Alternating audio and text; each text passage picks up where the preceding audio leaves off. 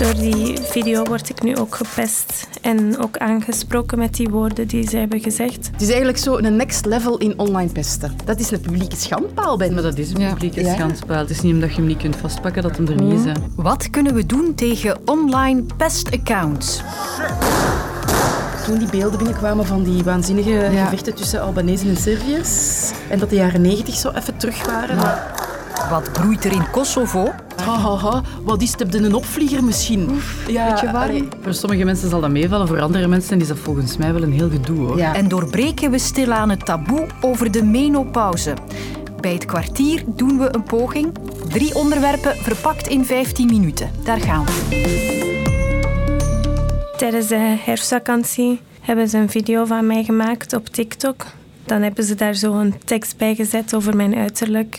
Dit is het verhaal van een Vlaams meisje van 14. Mensen hebben mij dan zo getagd in die TikTok.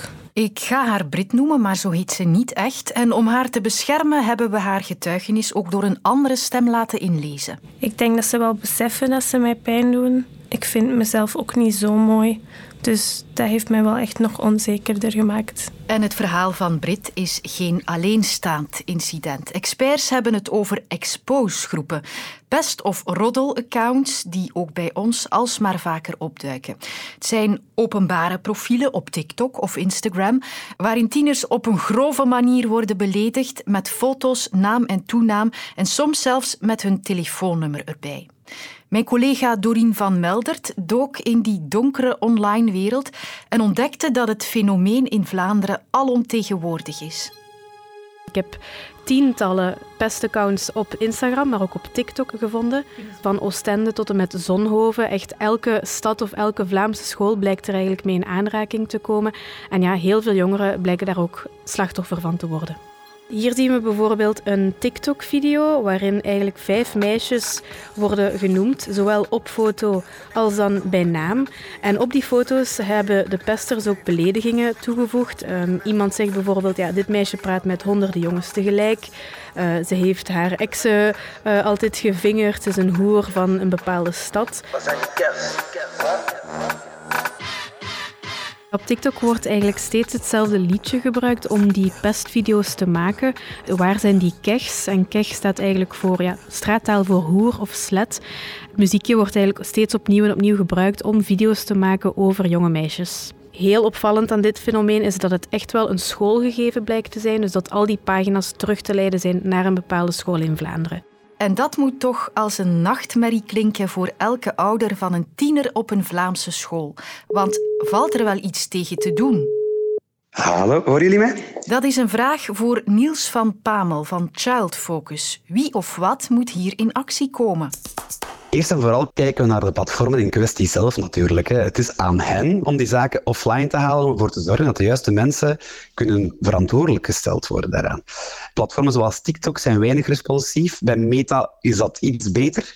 Maar als we dan kijken naar platformen zoals Telegram bijvoorbeeld, merken we dat er zelf geen respons is. En dat is een groot deel van het probleem. En anderzijds hebben we natuurlijk ook de verantwoordelijkheid van degenen die deelnemen aan zo'n groepen.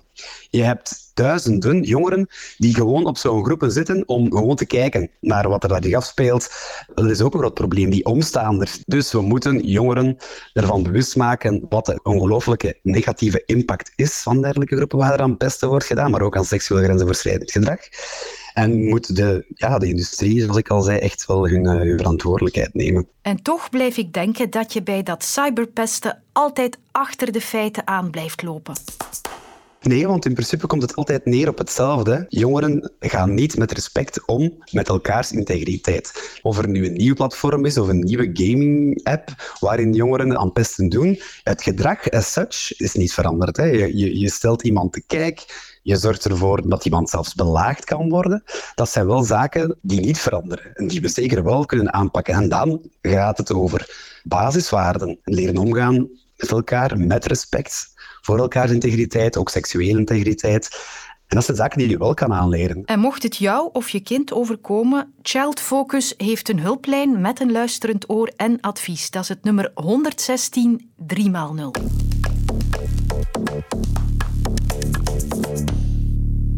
Vandaag woedt er op het Europese vasteland een oorlog in Oekraïne.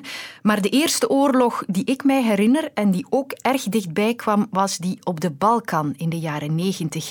In een land dat vandaag niet meer bestaat, Joegoslavië. Als tiener was Stefan Blommaert voor mij de man die midden in de oorlog stond om verslag te doen. In Pristina zijn er nu nauwelijks nog Joegoslavische militairen. In Sarajevo is de dood alomtegenwoordig. Elektriciteit valt regelmatig uit. In eh, grote delen van de stad is er nog altijd geen water. Oké, bedankt Stefan. Zien hoe het afloopt. Tot binnenkort. En dertig jaar later doe ik graag nog eens een beroep op hem. Hey Sophie. Want vandaag loopt het opnieuw mis tussen verschillende bevolkingsgroepen in Kosovo. De Albanese Kosovaren aan de ene kant en de Serviërs aan de andere kant. Stefan, ik had al een beetje moeite om het begin vast te leggen. Hoe ver moeten we terug in de tijd om die spanningen in Kosovo vandaag te snappen? Eigenlijk 500 jaar. Meer dan 500 jaar. Maar dat gaan we niet doen. Uh, ik denk dat de jaren 90 heel belangrijk waren. Uh, ooit was uh, Kosovo gewoon een provincie hè, van uh, Servië, dat toen een deelrepubliek was van Joegoslavië, weet je nog wel. maar in de jaren negentig is Joegoslavië uit elkaar gevallen. Dat heeft geleid tot verscheidene oorlogen, onder meer Kroatië, Bosnië-Herzegovina. En op het einde van de jaren negentig ook in Kosovo. Eind november waren er in de bergen van Kosovo gevechten tussen de Servische politie en het zogeheten bevrijdingsleger van Kosovo. Opstandelingen, Albanese opstandelingen, want de Albanese Kosovaren die vormen de meerderheid van de bevolking daar, uh, die zijn met een gewapende opstand begonnen. Uh, die is uh, zeer gewelddadig neergeslagen door het Servische leger, de Servische politie. En dat heeft geleid tot een interventie van de NAVO in 1999 met bombardementen op Servië, Montenegro en Kosovo. The first bombing of its kind in NATO history. De, de, leider van de Serviërs, eh, Slobodan Milosevic, heeft uiteindelijk moeten toegeven. En dat heeft dan geleid tot ja, het doorknippen van alle banden uh, van Kosovo met Servië. De facto onafhankelijkheid vanaf uh, de eeuwwisseling eigenlijk. Die onafhankelijkheid die dan officieel is uitgeroepen in 2008 en sindsdien is beschouwd Kosovo, of beschouwen de Albanese Kosovaren uh, zich als een onafhankelijk land. Vandaag is er dan weer onrust. Wat speelt er nu op? De huidige problemen die zijn ontstaan ja, uh, vorige maand, of dat was de aanleiding toch, uh, bij lokale verkiezingen waarbij burgemeesters moesten worden verkozen voor uh, verschillende gemeenten. En de Serviërs in Kosovo die hebben die verkiezingen geboycott. Uh, omdat zij zeiden van ja, één, wij erkennen geen verkiezingen die georganiseerd worden door de staat Kosovo, maar twee, ook een heel aantal beloftes die zijn gedaan aan de Servische gemeenschap, die zijn niet nagekomen. Serviërs zeggen van, zolang dat er niet komt, uh, boycotten wij alles wat met Kosovo te maken heeft. Maar dat heeft er natuurlijk toe geleid dat de burgemeesters die werden verkozen, dat zijn allemaal Albanese Kosovaren. En toen eind vorige week de Kosovaarse politie, Manu Militari, afkwam naar de gemeentehuizen om die burgemeesters te installeren, uh, ja, werden die gebouwen geblokkeerd door uh, woedende Serviërs. Uh, dat heeft tot, tot ja, een gewelduitbarsting geleid.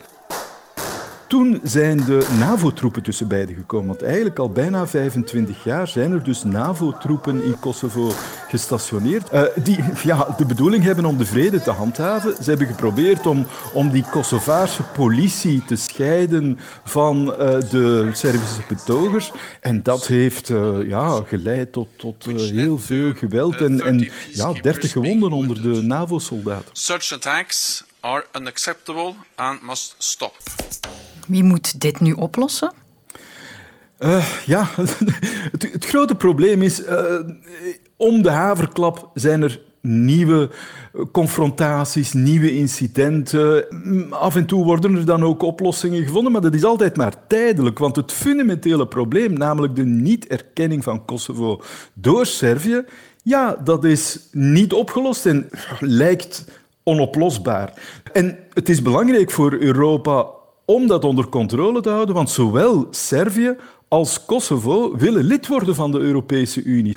Maar ja, je gaat natuurlijk geen nieuw conflict importeren in de Europese Unie. Dus Europa heeft er belang bij dat er toch op een of andere manier ja, tot een vergelijk gekomen wordt. Makkelijk zal het niet zijn.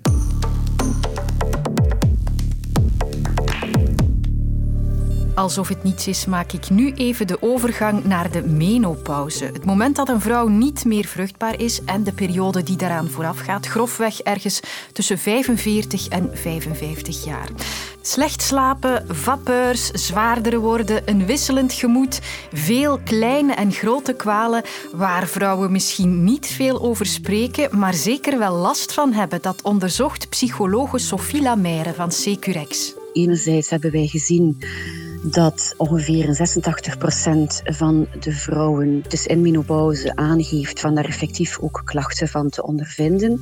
En dat meer dan de helft daar effectief ook hinder van ondervindt. Wat vooral opvallend is, is dat we zien dat ja, vrouwen die echt hinder ondervinden van die menopausale klachten, ook effectief slechter scoren op een aantal bestaande vragenlijsten die peilen naar uh, herstelbehoeften en burn-out scoren. Daaraan gekoppeld ook het feit dat we zien dat er toch, toch slechts een minderheid van de vrouwen is die vindt dat dit bespreekbaar is op het werk. Uit ons onderzoek zien we dat die vrouwen met menopausale klachten die het bespreekbaar maken op het werk, eigenlijk voor de helft beter scoren op die herstelbehoefte en burn-out scoren. Het taboe doorbreken is dus belangrijk. Zou dat stilaan toch aan het gebeuren zijn? In de periode dat ik zelf in de menopauze kwam, dat was heel vroeg, op 46 jaar, ben ik eigenlijk uh, daar een boek beginnen over schrijven.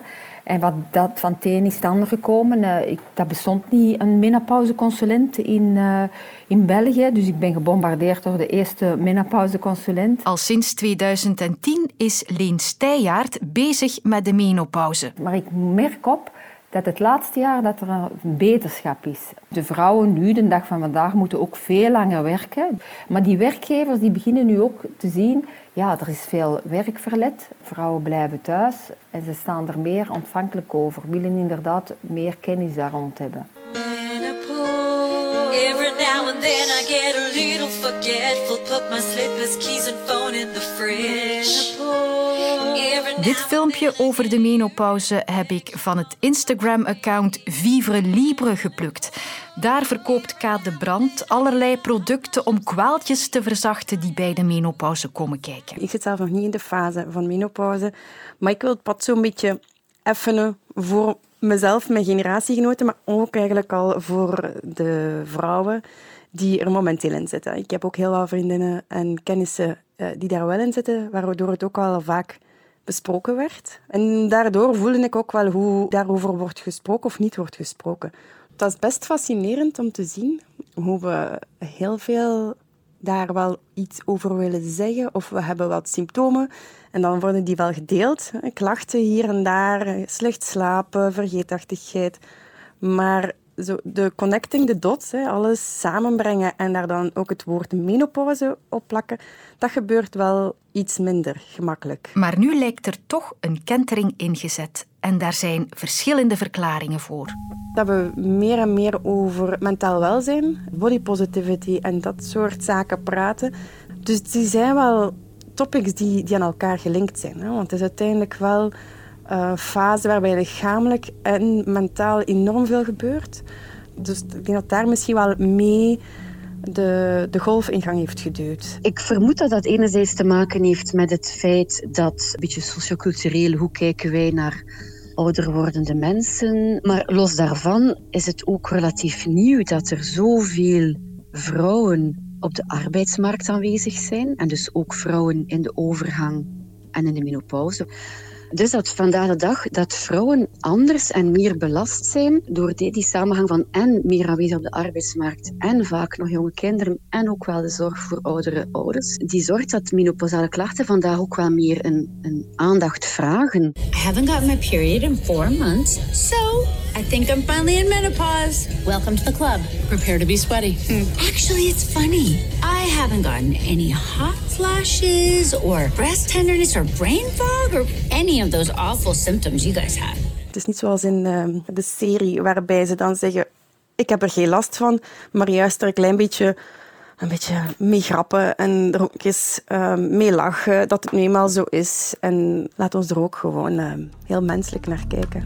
Zo proberen we bij het kwartier ook naar het nieuws te kijken. Morgen zijn we er weer. Luister ook naar Win-Win, de podcast waarin Sven Pichal en Kathleen Kraanhals tips geven om slimmer met je geld om te gaan. Nu in de app van VRT Max.